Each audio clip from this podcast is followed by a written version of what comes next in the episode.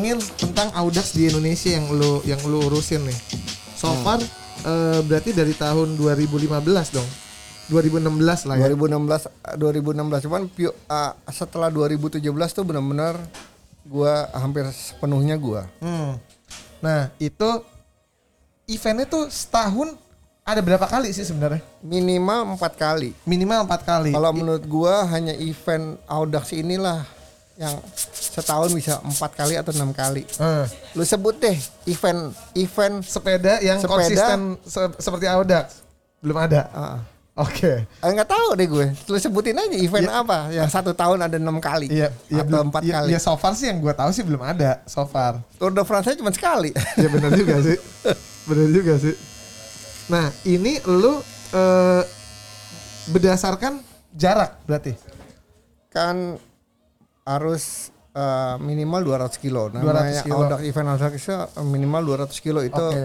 Jadi event Audax itu pakai batas waktu kan beda dengan event-event lain. Jadi eh, gue berbatas waktu. Hmm. Dan harus jujur. Oke. Simple. Eh, Ikuti aturan jalanan yang ada sesuai regulasi eh, lalu lintas di negaranya atau di Indonesia. mm-mm.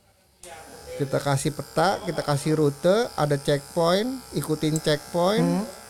nggak boleh didorong orang naik motor apalagi, Terus Eh, disupport mobil boleh, cuman harusnya sebenarnya mobil itu disupport hanya ada di checkpoint yang udah ditentukan. Ah. Kalau di jalan sebenarnya nggak boleh. eh, Jadi sebenarnya ini event dituntut kejujurannya. oke. Jadi gitu. Jadi gue seneng jalanin ini. Sim- eventnya very simple.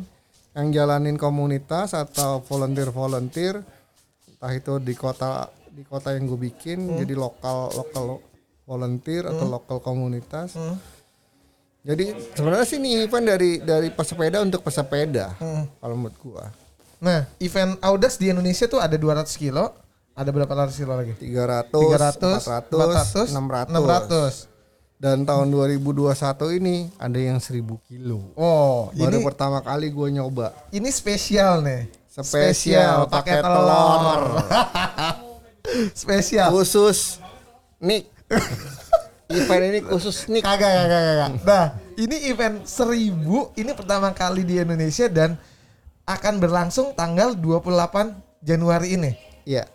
Jadi Jadi pertama ya. ya, jadi 1000 event sepeda 1000 kilo berbatas waktu pertama. Pertama. Mungkin ada orang yang udah goes dari ujung ke ujung 3000 kilo, 5000 kilo atau whatever lah.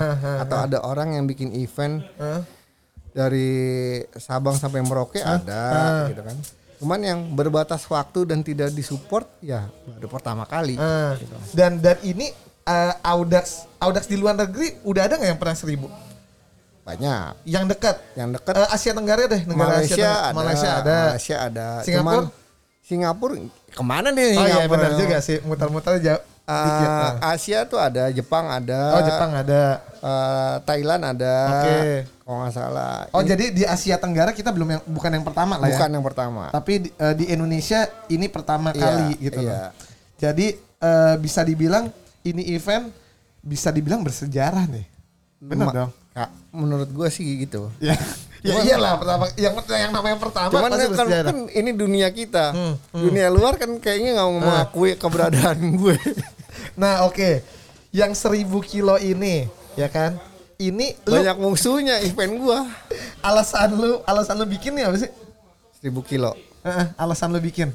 Satu memang pengen nyoba yang yang menjadi yang pertama kali. Heeh, terus Satu itu. Kedua ya yang Indonesia tuh udah jalannya jalan-jalannya di beberapa daerah tuh bagus sebenarnya dan pemandangannya bagus. Heeh. In- intinya sih gua mau coba eh, bikin eh, apa ya? ngangkat turisme turisme yang ada sekarang ini apalagi pandemi gini. Heeh, heeh. Cuman bukan touring ya, sifatnya bukan touring. Jadi karena lu kalau event yang disupport atau yang dikawal yang pakai format ala-ala Eropa itu itu lu mau apa? Jalan ngebut 30 35 km per jam. Terus apa yang lu nikmatin? Apakah itu yang lu bilang sport tourism? lu foto-fotonya gimana? Iya, yang benar. fotoin siapa? Bener, bener. Coba deh lu lihat Instagram Audax, lu lihat deh foto-fotonya yang dibikin sama teman-teman sendiri, pegawainya sendiri. Ah, itu benar. bagus-bagus. Benar. Fotonya bagus-bagus.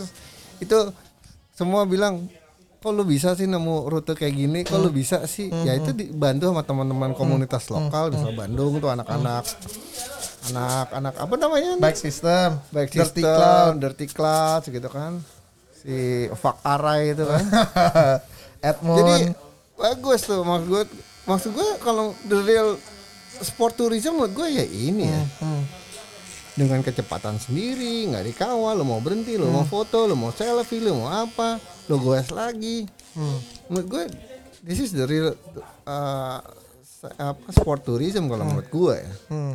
lu sepedaan lu ketemu sama uh, komunitas lokal lu ketemu sama pedagang warung makan Hmm. ngobrol sama ibu-ibu di desa mana desa sini. Jadi terus gue coba 1000 kilo 1000 kilo ini akan melalui beberapa daerah sih Hmm. Ini 1000 kilo di mana? startnya dari uh, startnya dari Jogja Di Jogja. Startnya dari Jogja Terus? ke arah ya biasalah ke arah Gunung Kidul ke arah eh, Wonogiri, Wonogiri. Pati, Ambarawa, eh, Semarang, Solo. Ambarawa, Solo nggak lewatin. Nggak lewatin. Terus? Ambarawa, terus Temanggung, terus arah Wonosobo situ. Ini ini lu pengen lu pengen nandingin bus antar kota, bus akap nih. enggak sih. Tapi? Paling enggak lu bisa bisa lihat bus-bus lewat. Oh, paling gak bisa lewat bus-bus gue kalau ketemu sama eh, supir bus sekarang gue bisa jadi iya, jadi eh, paham. tos gue, Ah. jadi tos sama dia karena ya gue mirip kayak dia gitu. Antar palingnya kan palingnya kan lo ngelihat itu bak-bak truk yang ada gambar-gambarnya. Ah, tulisan-tulisan lucunya. Kalau kalau udah dengar suara uh, rem rem mau ngerem itu kan Ah. bus udah ketahuan oh ada bus di belakang gitu kan. nah, Spion, lu belum pernah kan ada spion lewat di atas kepala lu. Belum, gitu. belum, Nah, itu lu mesti menikmati itu.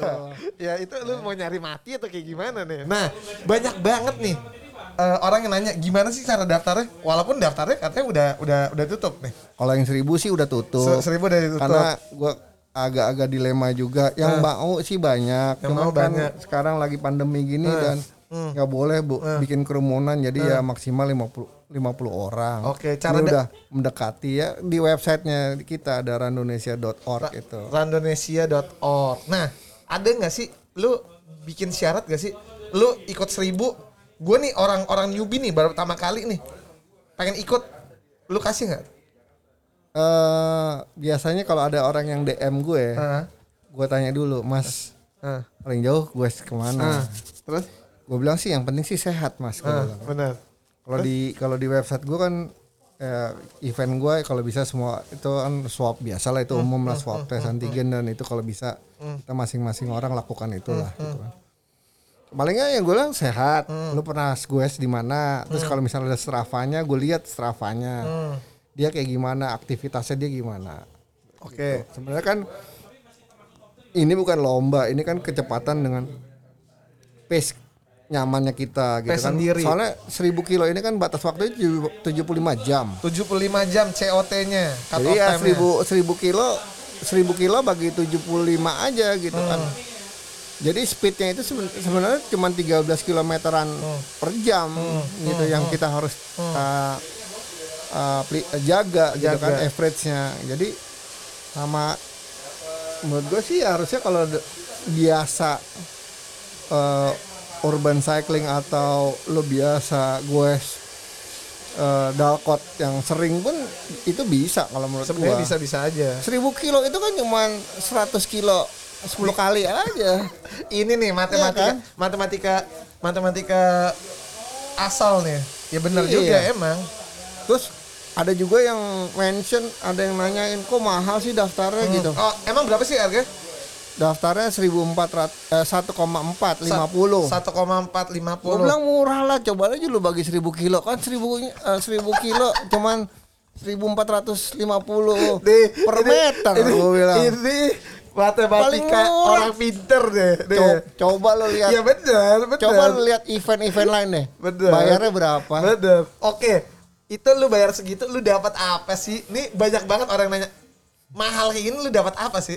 Dapat lecet. Dapat lecet. nggak dapat apa-apa Gak dapat apa-apa. dapatnya medal Ah, medal Terus, dapat. yang kalau event Tapi kalau finish, Kalau medal, finish, medal oh. dapat kalau finish, inget ya. Terus finish dalam arti kata lu mau over COT juga over COT boleh boleh. lu Lu tetap dapat. dapat Selama lu nggak DNF, selama lu nggak naik mobil selama lu nggak evakuasi. Iya. Oke.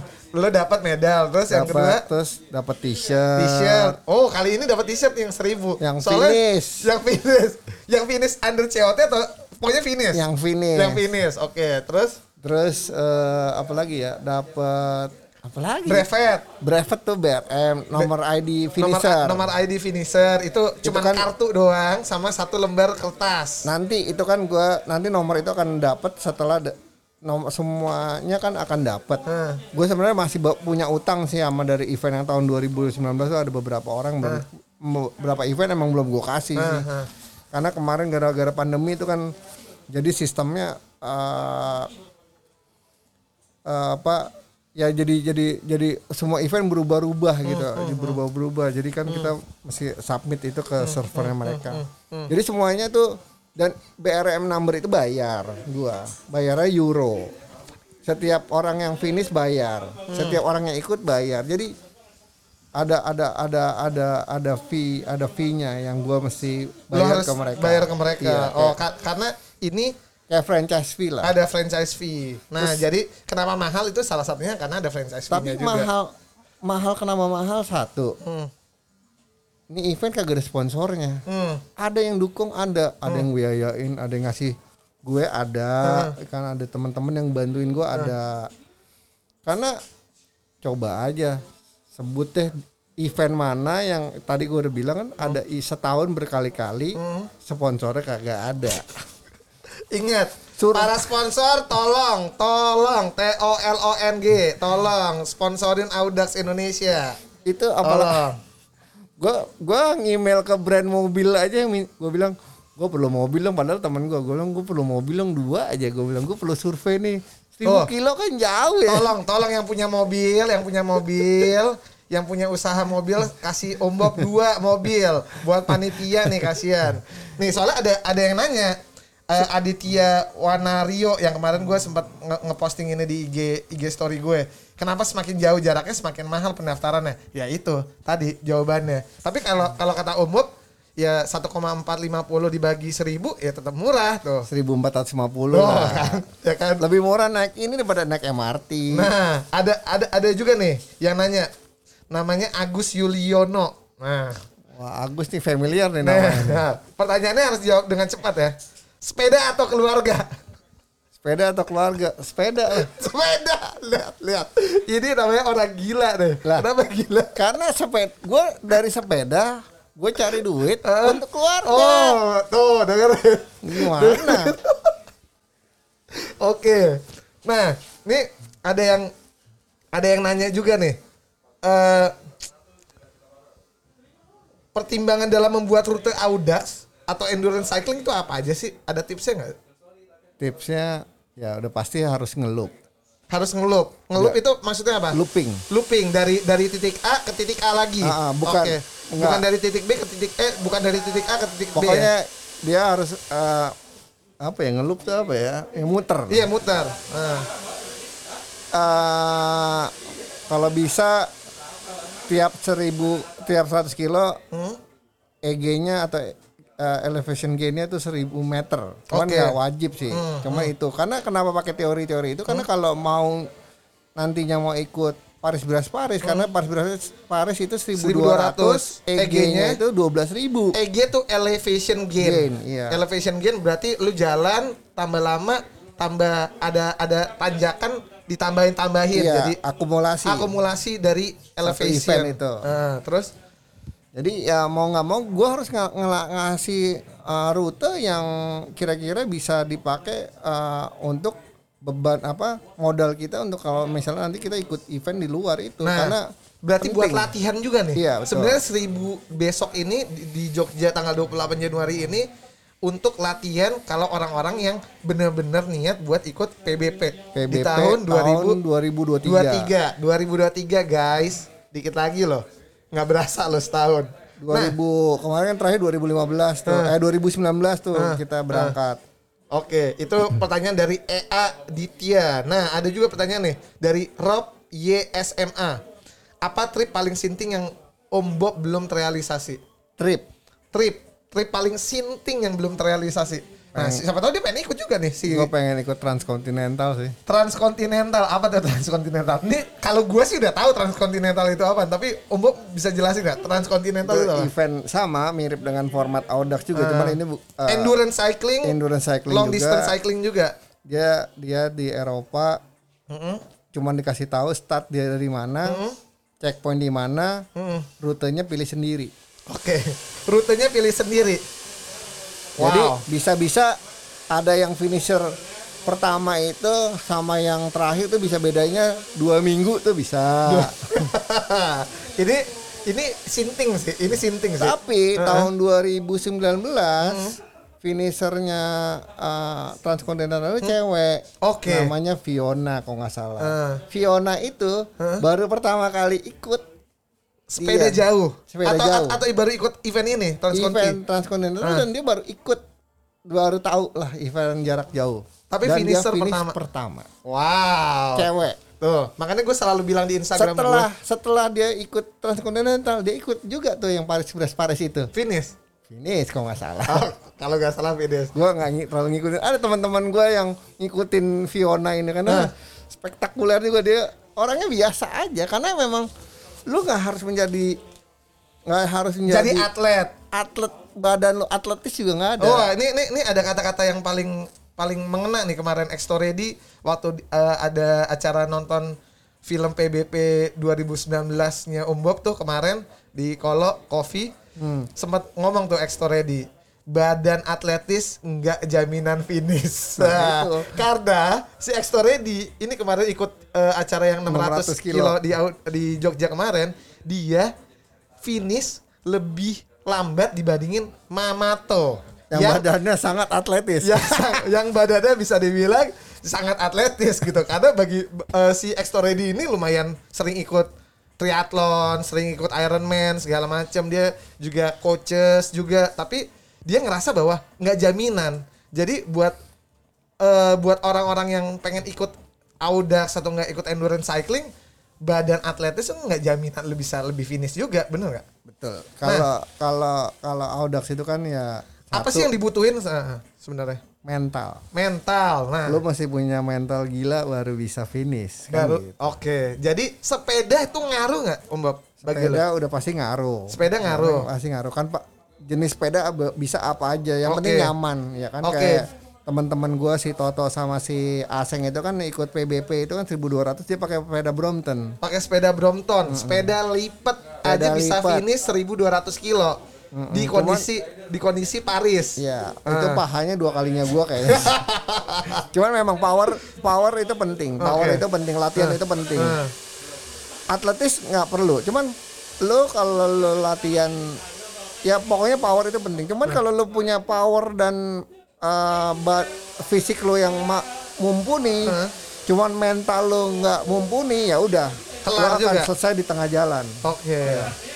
Kelar jadi juga. me- mental itu menurut gua kuncinya di mental Hmm. sih menurut gua mental mentalnya harus kuat karena lu kan nanti ketemu di jalanan sendirian di tengah hutan sendiri gelap gulita nggak ada temen. Eh, gitu kan. Nah itu itu dah mental breakdown tuh biasanya. Atau lu ditinggalin temennya atau lu jalan siang-siang panas bu tengah hari panas terus lihat ke depan kosong lihat ke belakang kosong Hmm. sepi. Mental tuh. Oke, nih. Ada ngelihat ayam goreng lu mau berhenti atau enggak tuh mental tuh nih, ditawarin ditawarin ayam goreng itu kan KFC.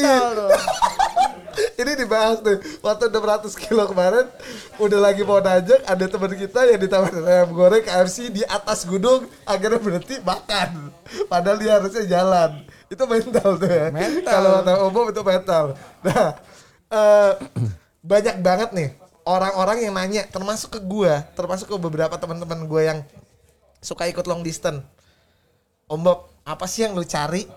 Nah, apa sih yang lu cari nih dari lu lu suka jalan jauh ini apa sih yang lu cari? yang gue cari Heeh. apa Pengen jadi apa? Lu nyari apa sih gitu loh? nyari Luna Maya gue nyari Luna nyata Lu udah jatah ya. Jadi bukan Eh, apa ya ya itu eh, sepeda ini ternyata alat meditasi gua Oke.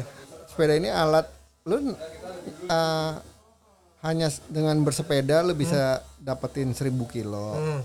Ya naik apa ya bisa. Maksud gua dengan sepeda ini lu bisa lihat detail every single detail yang lu lewatin dan lu akan inget semua. Hmm. kalau lu naik mobil dengan speed itu cepet mau foto udah kelewatan, udah mau berhenti macet. Atau kalau naik sepeda lu mau berhenti terserah lu mau berhenti kapan aja. Apa terserah lu mau mau lewat hari ini mau lewat. Mana terserah lu mau lewat utara dulu ke selatan dulu ke mana terserah lu mau. Lu nggak ada yang nentuin. Oke. terserah. Jadi uh, sepeda ini menurut gue ya akhirnya menjadi alat yang sangat menyenangkan gitu menurut gue. Ya aneh juga sih ya. Jauh lecet-lecet tapi tetap seneng. Ya nggak tahu. Emang seru sih. Masokis kayaknya lo. ya masok kita kan Masokis. masokis. Semakin disakiti semakin semakin jadi Ya begitulah. Nah, gue juga pengen infoin bahwa Audax 1000 km besok di Jogja ini tanggal 28 Januari ini lu pengen tahu update-nya, pengen tahu banyak akan banyak cerita-cerita itu di Instagramnya apa, Om? Instagramnya apa ya Dia lupa Instagram Instagram jualannya dia dia lupa. sampai gue lihat Instagramnya adalah Audax Randonesia. Nah, itu lu bisa dapatin soalnya udah info. otomatis sih lo, lo- udah loginnya otomatis. Gue banyak banget account IG-nya Nah, jadi lu pengen tahu tentang atau enggak lu pengen berniat pengen ikut karena di tahun di tahun ini eh, Om Bob udah ngerencanain beberapa eh, tanggal dan beberapa rute. Abis eh, ini tanggal 28 Januari ini 1000 sama 200 kilo ya. Om Bob. Eh, tang- nanti weekend akhir Januari ini ada ada 1000 kilo sama 200 kilo. Oke, terus Dua-duanya udah full, udah full. udah full. Jadi lu nggak full. bisa daftar lagi. Nggak Terus bisa daftar lagi. yang nextnya Yang nextnya itu nanti di bulan Maret kalau nggak salah Uh-huh. ya. Bulan Maret itu ada di eh, Jakarta. di Jakarta berapa ratus Jakarta, kilo? Kalau nggak salah 200 kilo. 200 kilo. Iya, 200 kilo. Nanti ada lagi Jakarta 300 kilo. Cuman kayaknya yang Jakarta gue lupa deh. Ntar gue liat contekan gue dulu. kayaknya 300 kilo dulu apa 200 kilo dulu ya. Itu nanti yang kalau yang 300 kilo rencananya mau start dari Bekasi. Oke, 300 kilo. Hostnya anak-anak Bekasi. Oh, ABGCC. Jadi hostnya anak. Jadi oh pertama Maret tuh 200 kilo dulu. Ah. Baru Mei 300 kilo. Hmm. Jadi kalau mau yang nyobain event kami ya event mungkin ada yang kadang-kadang ada juga yang DM nyinyir, kok Bo, kok dalam pandemi ini bikin event sih gitu. gimana sih gitu kadang. bukannya kita nggak nggak peduli gitu. Nggak bukannya kita cuek ter gue juga peduli karena gue juga punya keluarga gue masih jaga diri gue dan keluarga gue cuman ya satu gue mati kelaparan atau gue mati karena corona kan gitu. dua si ya gue masih bertahan hidup. Sa- daripada gue nyolong atau gue maling duit orang gitu kan dengan ya gue coba dengan apa yang gue bisa. Ah. dan se- bersepeda dengan Audax ini yang nggak sepeda Audax itu nggak mungkin bergerombol itu nggak mungkin. Karena sepedanya dengan kecepatan masing-masing dan Dengan PC masing-masing. masing-masing. Nggak dikawal nggak di ah nggak nggak ribet lah. Hmm, hmm. sebenarnya seperti event weekend gue weekend CFD aja mungkin lebih ramai daripada Goes- event gue goes karena Audax, satu peminatnya nggak banyak dan memang konsepnya gue sendiri sendiri Hmm. gue sendiri sendiri jadi kalau menurut gue eh, mau pandemi nggak pandemi ini gue sih paling simple. Gue nggak nggak ngerecokin lalu lintas nutup nutup apa enggak karena peserta harus gue sendiri harus punya alat navigasi harus pelajari rute. Terus habis itu lu mesti submit kalau gua kalau panitianya minta eh minta eh, data GPX lu kalau ada yang mencurigakan gua akan minta gitu kan datanya. karena kan banyak yang curang jadi yang cu- kalau di Audax sih yang curang nggak curang kelihatan sih dari mukanya kelihatan. Wah, ada saat finish dia curangnya gua udah bisa lihat gitu. Dia Mukanya penyok atau enggak itu kelihatan. jujur apa nggak jujur kelihatan pasti. Udah pasti deh Pokoknya tahun tahun 2021 menurut jadwalnya Om Bob semoga aman-aman aja akan ada 7 event. Iya tujuh. Ada 7 event. Yang pertama besok minggu depan tanggal 28 Januari itu 1000 km dan 200 kilo. Yang berikutnya Maret itu 200 di Oke. Jakarta. Oke, di Bulan Mei Jakarta. di Jakarta. berapa 300 kilo. 300 kilo. Bulan Juli di Purwokerto. Di Purwokerto seru nih. Oke. Seru, ingat ingat kata-kata serunya Om Bob tuh kadang-kadang eh, nusuk sebenarnya. karena Purwokerto itu gampang dijangkau. Oke. Nggak terlalu jauh dari Jakarta. Eh. Eh, makanannya enak. Eh. Terus eh, jalanannya bagus, ya kan? Enggak, ini nggak nggak akan ngelewatin tanjakan yang gimana-gimana enggak. Eh, Terus eh, Bandung, Bandung ini juga salah satu yang akan eh, menarik sih dari tahun lalu. eh, Bandung menarik karena pakai pakai pakai bumbu-bumbu all terrain. all terrain, all terrain itu Jadi- apa bahasanya? Artinya Eh, eh, apa?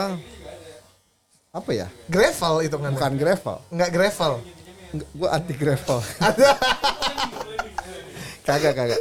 Jadi eh, all terrain tuh ya eh, apa? eh, Berbagai macam bentuk jalanan. bahasa Indonesia gue gak ngerti. ya. Iya. Terus Pokoknya all condition. all condition On- on- itu on- uh, uh, all condition. itu di Bandung ya. Bandung, itu bulan Oktober. Oktober, ingat. Yang Oktober. suka all terrain boleh tuh di Jadi Bandung. akan ada ada jalanan yang nggak rata, jalanan lumpur, Lumpur. jalanan eh, Nggak ada jalanan. nggak ada jalanan. Siap-siap aja. Atau enggak jalanannya naik terus. Nah, pasti dibayar oleh pemandangan yang cakep. bos, gila. Yang tahun lalu sih sukses semoga nih Fak Arai akan bikin rute yang Bikin lebih bagus lagi. lebih, lebih bagus lagi. Oke. Atau pakai rute yang sama pun men- Menarik oke. juga, heeh. Dirubah-rubah dikit juga oke. Terus yang terakhir di bulan Desember. Desember Jogja lagi itu 600 kilo. Waduh. Nih, ini lu biasanya rute ini bakalan sama atau enggak sih? Beda, biasanya dimodif dikit-dikit. Dimodif dikit-dikit. Dimodif dikit-dikit. Ah. Oke, oke. Nah, lu ada nggak sih Om Bob pesan-pesan buat orang-orang yang mau ikut Next Audax tuh apa sih?